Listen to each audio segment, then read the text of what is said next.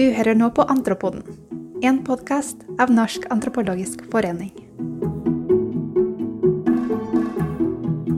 Velkommen til Inni Unni Vika. Takk for det. Ja, velkommen eh, til Antropoden. Dette her har vi gledet oss til. Du er jo en pioner i faget og en eh, av de tydeligste stemmene, vil, vil jeg si. Ikke bare i Norge, men internasjonalt. Og det er jo nesten litt vanskelig å vite hvor vi skal begynne. For du mm. har jo vært aktiv i eh, 50 år. I 50 år, ja. I 50 år. Eh, men samtidig har du alltid vært en som har skapt eh, litt rabalder rundt deg. Det har jeg. Eh, Fortell litt om det. Er, eh, hvem er rebellen Unni? Hvem er jo Hun er kjerringa mot strømmen. Eh, hun er eh, nordlending. Og ble kanskje etter hvert halvt araber. Hun har gjort feltarbeid i mange steder i verden. Eh, men har ja, alltid eh, eh, kanskje vært opptatt av å gå sine egne veier. Og, og ikke vært redd for å ta et standpunkt. Så det, så det har vært en del bråk i årenes løp. En del utfordringer. Ja. Hva har vært den viktige inngangen din inn til å gå din egen vei? Hva er drivkraften din eh, i det? ja, det er et veldig godt spørsmål. Eh, hvorfor gjorde jeg det?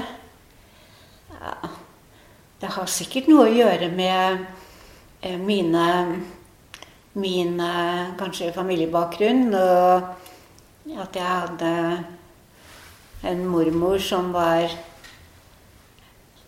kolossalt viktig for meg. Som var en virkelig sånn pioner innenfor for, eh, ja, det å få kvinner frem oppe i Nord-Norge i rundt 1900-tallet.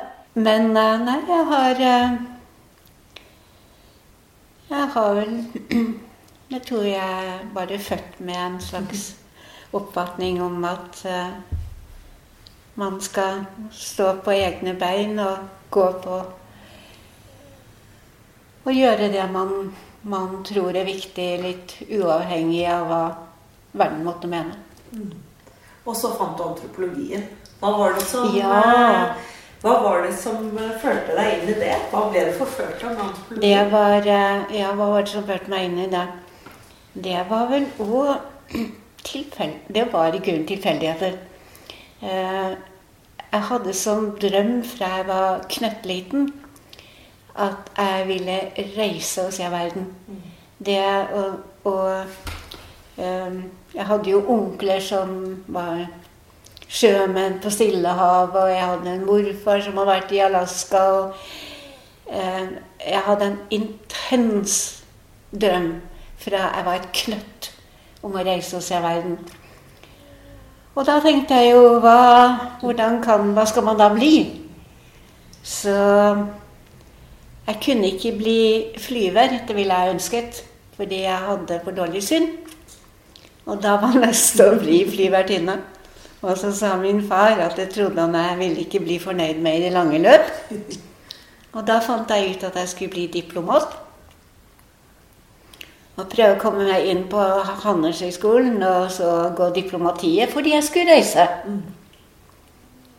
Men dagen før jeg skulle dra for å ta ja, handelsgym, et år på handelsgym for å på, prøve å komme inn på Handelshøyskolen, og jeg hadde veldig gode karakterer, bare så det er sagt, så fikk jeg en, fikk mine foreldre en oppringing fra en grandonkel til min far i Alexandria i Egypt.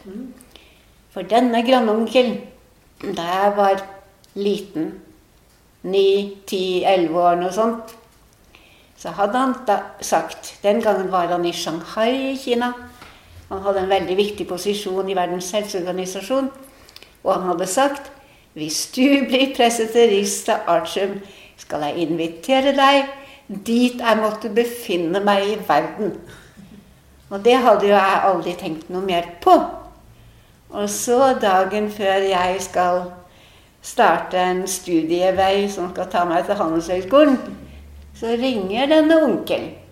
For da hadde han oppdaget at jeg var blitt preseterist.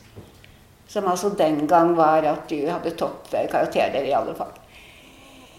Og så sa han 'Har du lyst til å komme og være et år i Alexandria?' Det vil si, han sa det til mine foreldre.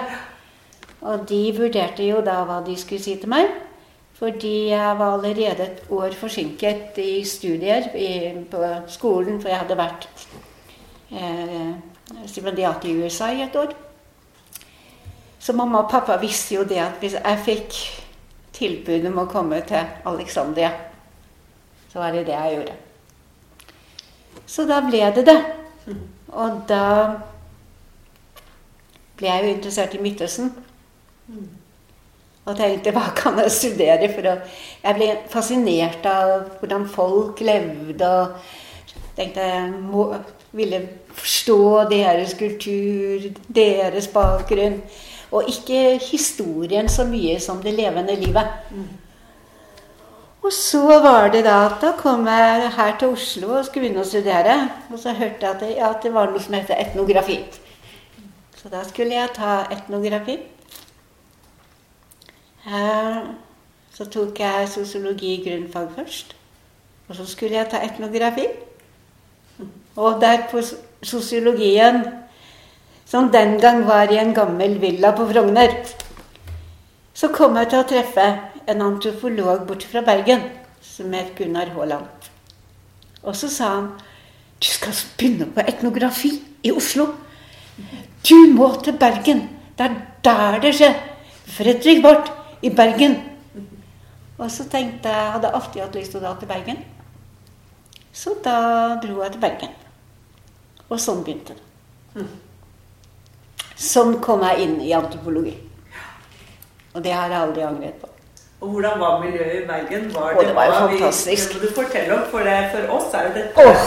mytehistorien eh, Ja. i fagets opprinnelse. Ja. Kan du fortelle Altså, for det, det? si, på grunn, altså, jeg må jo da først si at uh, det var fantastisk. Det var helt enestående inspirerende.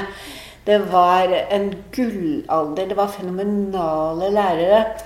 Og, bare, og, og jeg må jo si det siden jeg har en uh, egen uh, historie, at uh, bart var ikke noe særlig fremme i det miljøet da jeg studerte.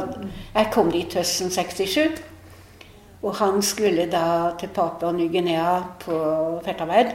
Slik at han var eh, han, Jeg tror jeg så han kanskje én eller to ganger på en Altså, han var ikke fremtredende i det miljøet synlig.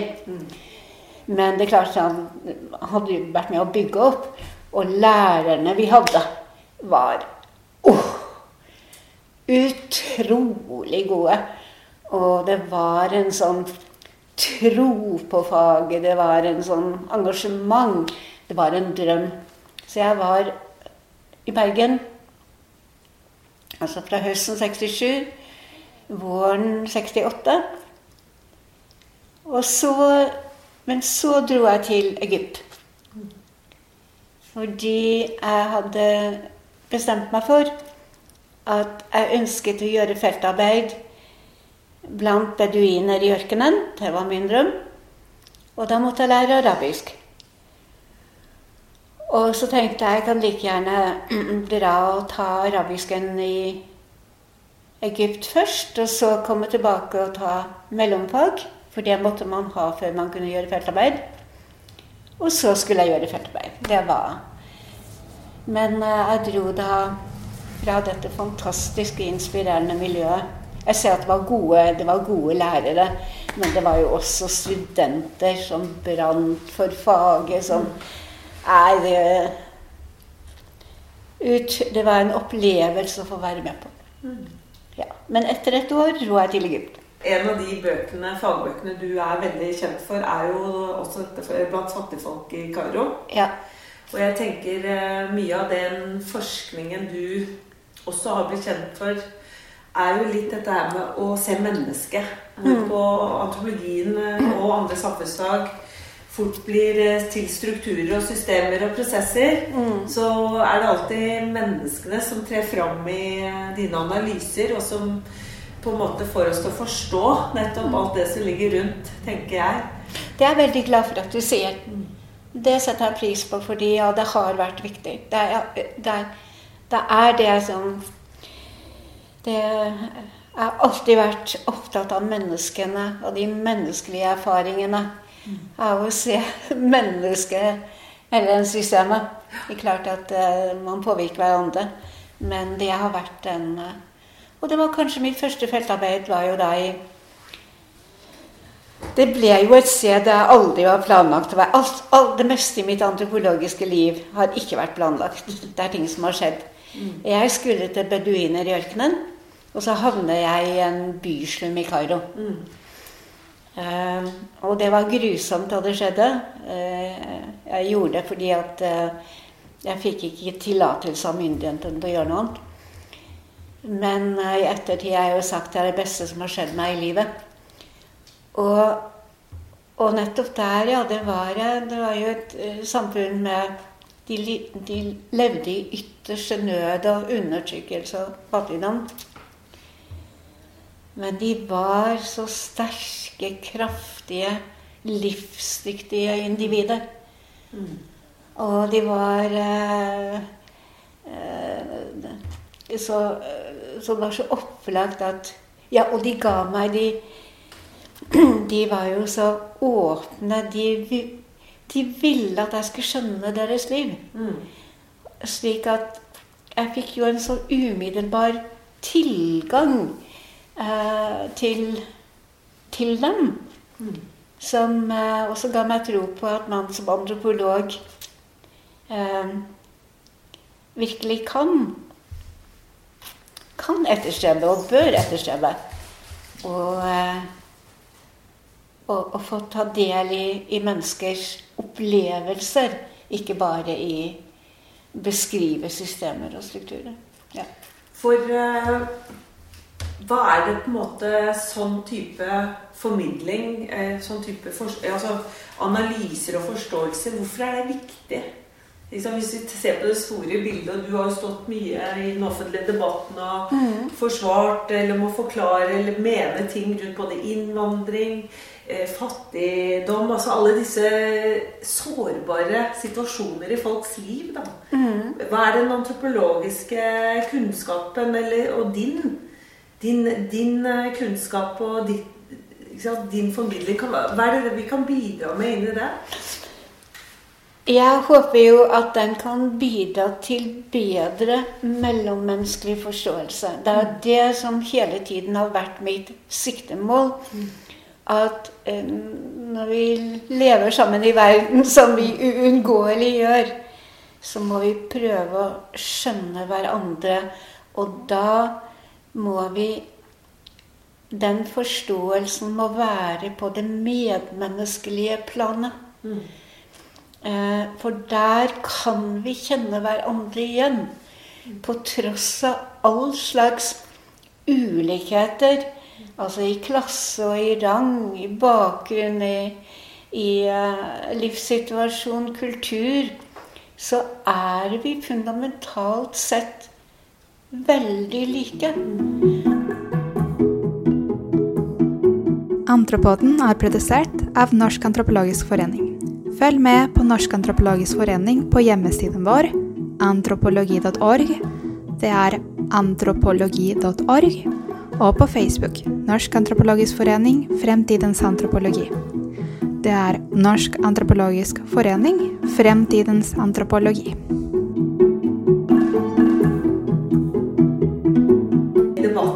Er veldig polariserte og ja, nå med nye sosiale plattformer så er det jo utrolig mange som mener veldig mye. Hvordan, hvordan går det med den opplyste samtalen, tenker du, rundt det å forstå hverandres uh, forskjelligheter? Og tolerere og like det? Det lurer jeg veldig på mm. i vår tid med disse sosiale plattformene. Mm. Jeg tror det var uh, Jeg tror det fungerte bedre da vi hadde en felles offentlighet. Mm. Men det har vi jo ikke lenger. Um, nå har man så mange oppbrutte, atskilte eh, offentligheter, og man i stor grad også bekrefter hverandre. Mm. Istedenfor at du får 'Jeg elsket jo' Ja, det er overdrivende. Jo, det var gøy. Vi hadde i min tid, en del tid tilbake, eh, hvor vi gikk live på TV Og folk stort sett satt og så fordi at det var den ene offentligheten. Og så hadde vi disse knalldebattene live, hvor vi kunne være totalt uenige om ting. Eh, og det var da også debatter i media, i avisene og det hele. Eh, men, men det jeg, jeg, tror det bidro til en slags felles opplyst offentlighet. Mm. Eh, fordi at at man eh, Argumentene og standpunktene tror jeg kom veldig godt frem og ble, ble så drøfta der ute. Men ja, å stå i det var jo tøft. Mm. Eh, personlig ble jeg jo hudfletta. Eh, det gjorde jeg. Og eh, så jeg var jo ikke på den riktige siden i en del debatter, eh, sett ut ifra et eh, Sett ut ifra ståstedet til majoriteten på instituttet. Mm. Det var jeg jo ikke. Så det var tøft. Mm. Mm. Det var det. Men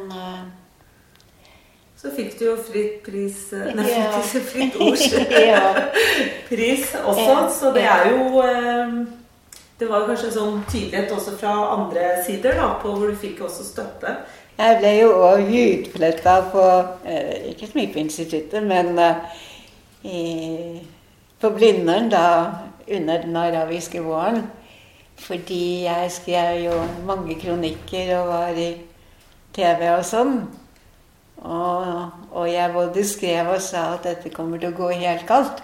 Mm. Det kommer til å gå fra verre, øh, verre til verst. Mm. Og det hadde man jo ikke lov å si. Nei. Nei. Hvorfor tenkte du Hvorfor var det Jo, for det var så opplagt. Altså, jeg, jeg, var jo nede flere ganger mens ting pågikk. Og det var jo så opplagt at det måtte gå galt.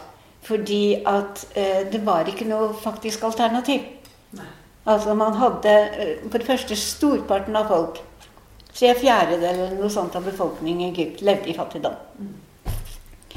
Hva er det viktige for dem i deres daglige liv? Det er stabilitet. Det er trygghet. Det er å kunne ha penger til mat og sende barna på skole. Det er den forutsigbarheten. Og ut fra det som lå i kortene der, var jo at Mubarak Den arabiske våren var i februar i, i 2011. Og planen var jo at Mubarak skulle gå i september det året. Eh, riktignok ville han sette sin sønn inn, og det ville man ikke, og det var jo det var greit nok. Men og hadde man fått en utvikling hvor han hadde gått av da, og man hadde fått inn en annen person, så hadde man en annen Og der hadde man kandidater. Man, eh, så kunne man fått en overgang som var relativt ryddig. Mm. Istedenfor at ved, ved å kaste han, så står man der og har eh, man har eh, Ja, man har ikke alternativ. Mm. Man har det rene kaos. Jeg tror man hadde rundt nå husker jeg ikke lenger, 30 forskjellige partier. Eh, det var Det måtte gå galt. Mm. Eh, og jeg var jo også i felten der nede på den tiden. Eh, vanlige folk, som jeg snakket med iallfall, var jo fra seg at han skulle gå. Mm. Eh, så det var, stor, det var, i stor, grad en såkalt eh, revolusjon som var hauset opp av sosiale medier. Mm. Eh, og mange av de som var i på Tahrir, var utland, utenlandske egyptere som kom hjem for å mm. ja. Det var mye som skjedde. Mm. Men det var Jeg skrev flere kronikker i Aftenposten. og og eh, gjorde rede for hva eh, Hva jeg forsto ut ifra eh, Ut ifra eh, å være der nede og, og med min bakgrunn mitt kjennskap til det såkalt alminnelige folket i, i Kairo. Og, og, det viste seg at det gikk jo slik. Det, mm. det gikk jo enda verre enn jeg hadde trodd. Mm. Men du hadde ikke lov den gangen. Du hadde ikke lov. Du ble ganske hunset uh, i en del miljøer på, på Blindern hvis du sa noe sånt den gangen. Du skulle applaudere, du skulle si at uh, at det kommer til å gå så bra med det muslimske brorskapet. Mm. Ja. Tusen takk for at du ble med i Antropoden, Unni. Det var veldig hyggelig å ha deg med. Tusen takk. Selv takk. Antropoden er produsert og regissert av Elisabeth Fosseli Olsen og redigert av Magali Cortale. Sangen vi tar i bruk, er 'Wholesome' av Kevin MacLeod, som vi har lastet ned fra Incompetech.